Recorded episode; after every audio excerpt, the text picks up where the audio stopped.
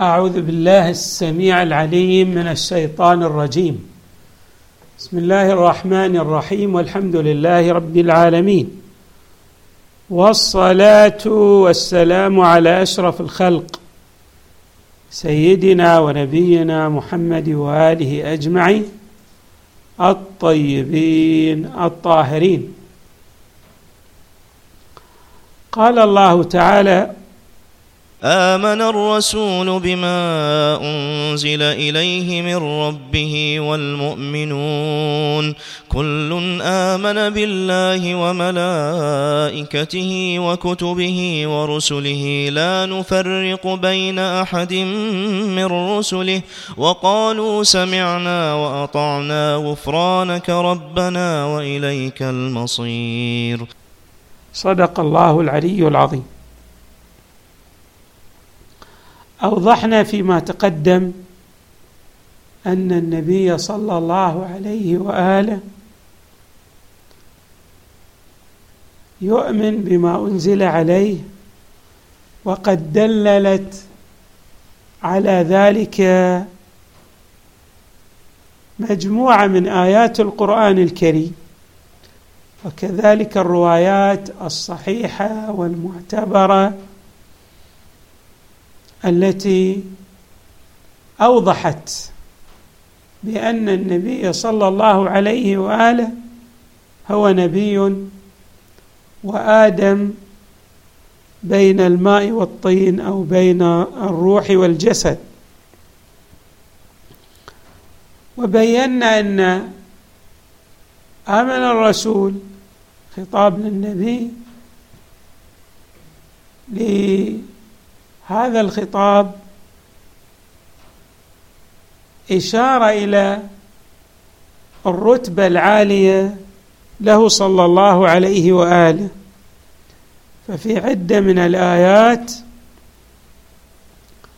أفرد وحده للتدليل على علو مقامته وسمو رتبته صلى الله عليه وآله. وكأن القرآن يشير إلى معنى عميق أنه لا يشارك في هذا العلو وفي هذا السمو الذي اختص به صلى الله عليه وآله. آمن الرسول بما أنزل إليه من ربه والمؤمنون. أيضا المؤمنون الذين ساروا على هديه آمنوا بما أنزل عليه صلى الله عليه وآله. كل آمن بالله وملائكته وكتبه ورسله. هذا يسميه العلماء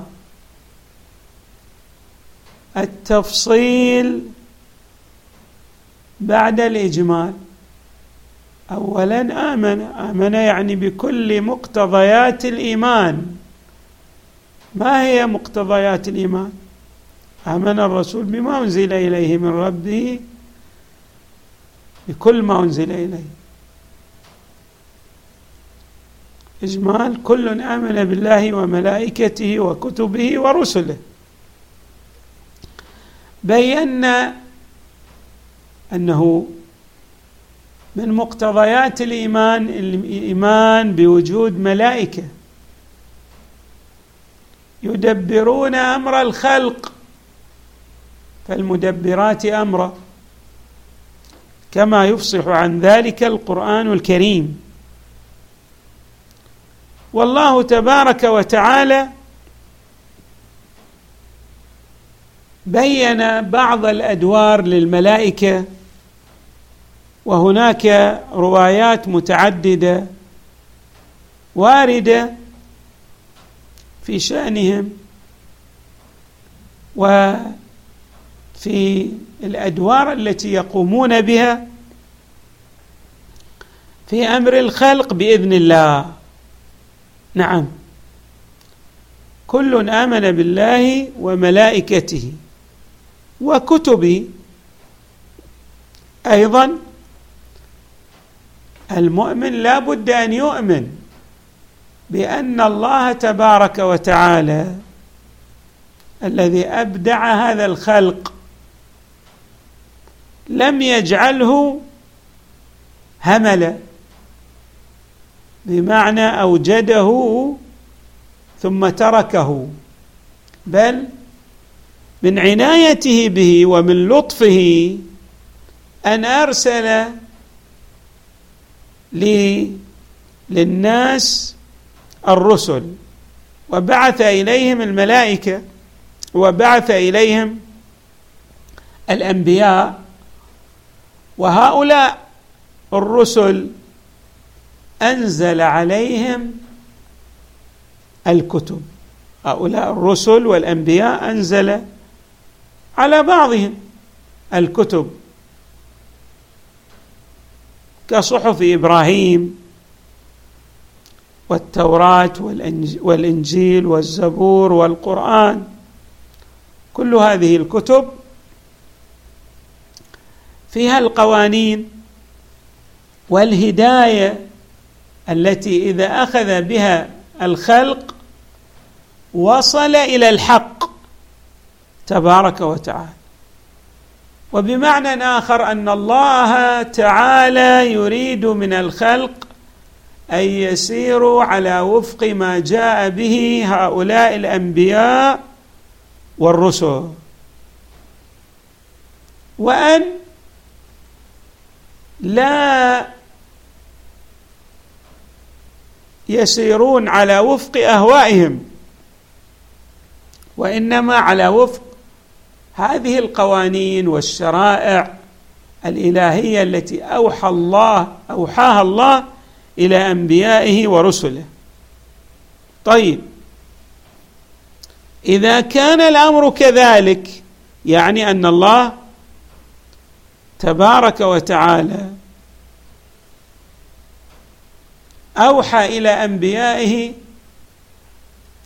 وأنزل عليهم الآيات والكتب لهداية الخلق بالطبع. هذه الكتب مختلفة. وبعبارة أخرى لما تأتي شريعة لاحقة تنسخ الأحكام والقوانين التي سبقت هذه الشريعة اللاحقة. لا تنسخ كل الأحكام وإنما تنسخ بعض الأحكام وتعدل في بعضها الآخر. بما يتناسب مع الأزمنة اللاحقة التي يأتي بها فيها هؤلاء الأنبياء والرسل. وبعبارة أخرى أن كل رسالة لاحقة هي بمثابة التكميل للرسالة التي سبقت. ما معنى التكميل؟ يعني يعبر بعض العلماء بهذا التعبير الذي يقرب لنا المطلب. كأن البشرية دخلت مدرسة وهذه المدرسة فيها ماذا؟ مراحل دراسية مختلفة. المرحلة الابتدائية المرحلة المتوسطة المرحلة الثانوية والمرحلة الجامعية. أدوار هؤلاء الرسل في كل مرحلة تختلف عن المرحلة التي تأتي من بعدها. فالدور الذي قام به موسى عليه السلام يختلف عن الدور الذي قام به نوح والدور الذي قام به إبراهيم يختلف عن الدور الذي قام به ماذا؟ عيسى عليه السلام. وهكذا لأن المراحل هذه مختلفة. ولكن جميع الأنبياء يدعون إلى الإسلام إذا صح التعبير. بمعنى الاستسلام والانقياد والطاعة للحق تبارك وتعالى. ولعل الآية هذه التي نحن نتحدث حولها تفصح عن هذا المعنى. يعني تبين المعنى المضموني لاختلاف أدوار الأنبياء من ناحية واتحاد هذه الأدوار في الدعوة إلى الله من ناحية أخرى ووجوب الطاعة للخلق لهؤلاء الأنبياء من ناحية ثالثة. طيب. إذا كان الأمر كذلك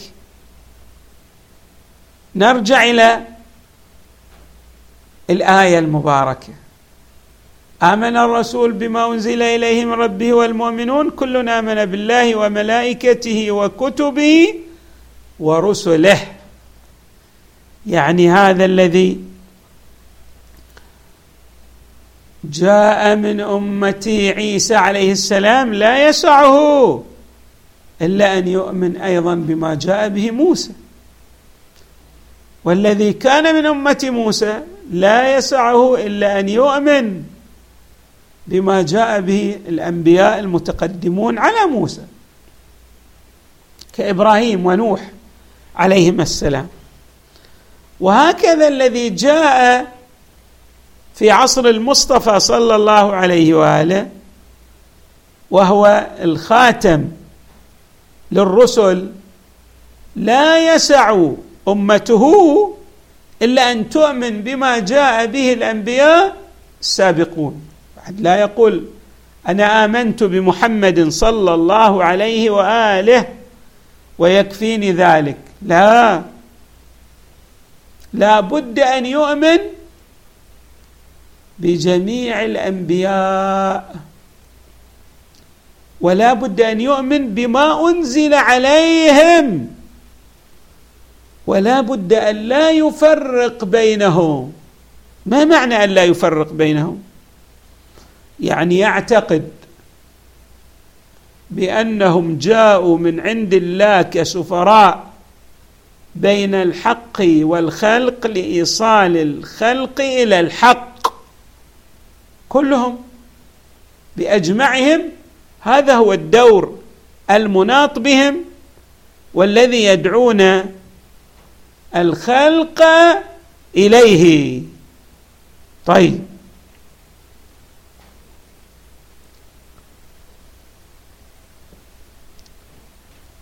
كل آمن بالله وملائكته وكتبه ورسله.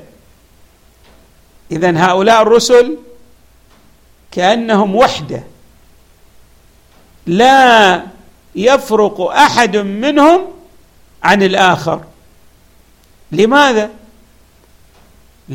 بسبب أن الجميع يدعو إلى الله تبارك وتعالى. الجميع يدعو إلى السير على المنهج الإلهي.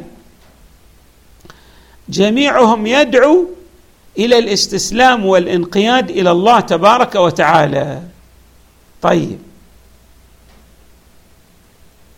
ولهذا نجد أن المؤمن يؤكد هذا المعنى. لا نفرق بين أحد من رسله.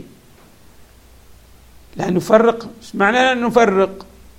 يعني ما نعتقد مثلا أن هؤلاء الأنبياء بعضهم والعياذ بالله كما في الكتب المحرفة كان لا يدعو إلى الله بل زاغ بل اقترف بعض المعاصي والآثام. كل ذلك يخالف الاعتقاد بأنهم سفراء من عند الله يدعون إليه ويسيرون على منهاجه تعالى. لا نفرق بين أحد من رسله. بعد وقالوا سمعنا وأطعنا. سمعنا؟ ما معنى سمعنا؟ سمعنا يعني أننا فقهنا ذلك.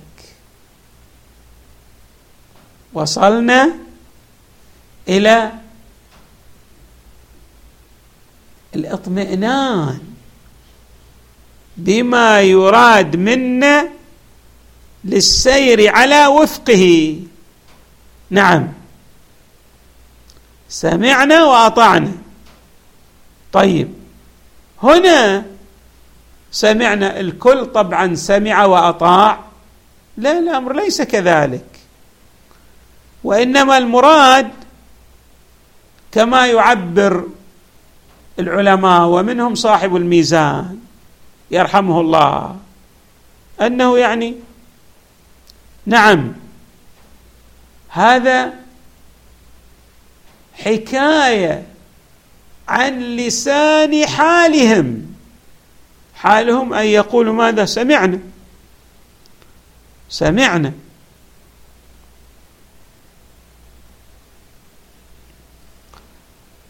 أما قوله تعالى نعم.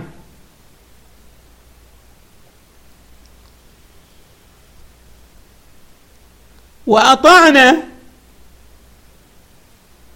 أننا يعني فقط ليس قبلنا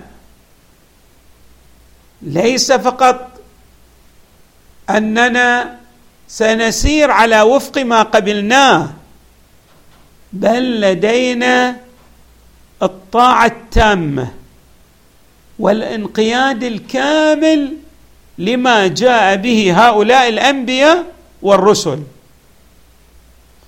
وهذا معنى العبودية الحقة من لدن العبد في حق المولى تبارك وتعالى. أن يقول سمعنا وأن يقول أطعنا. يعني سمعنا بأنه كما قلنا فقهنا هذا بقلوبنا وسنسير عليه في مقام العمل. لماذا؟ لأن هذه الطاعة تنبع عن التجسيد الكامل والانقياد التام لأوامر الله تبارك وتعالى. وحري بالعبد الذي آمن أن يكون إيمانه على هذا النحو يعني على مقتضى العبودية والعبودية تستدعي منه السمع والطاعة. السمع بمعنى ماذا؟ كما عبرنا. الفقه والفهم أو هي مرحلة متقدمة تعني الاستعداد التام لقبول ما جاء به هؤلاء الأنبياء والرسل وتعني الانقياد الكامل على وفق ما جاء به هؤلاء الأنبياء والرسل. طيب نلحظ ها هنا حيثية جميلة. يعني أن هؤلاء الذين قالوا سمعنا وأطعنا أظهروا الطاعة المطلقة لله تبارك وتعالى. لم يقيدوا ذلك بقيد. وهذا دليل على إيمانهم التام والكامل والانقياد لما جاء به الحق تبارك وتعالى من وحي على أنبيائه ورسله.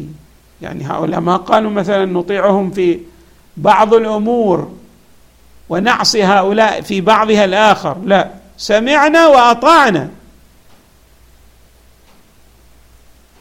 وبالطبع السمع والطاعة لهؤلاء الأنبياء لا يكون إلا مع الإيمان الحقيقي للمؤمن. ذلك المؤمن بإيمان غير حقيقي سمعه وطاعته. إنما هي مثلا لمصالح.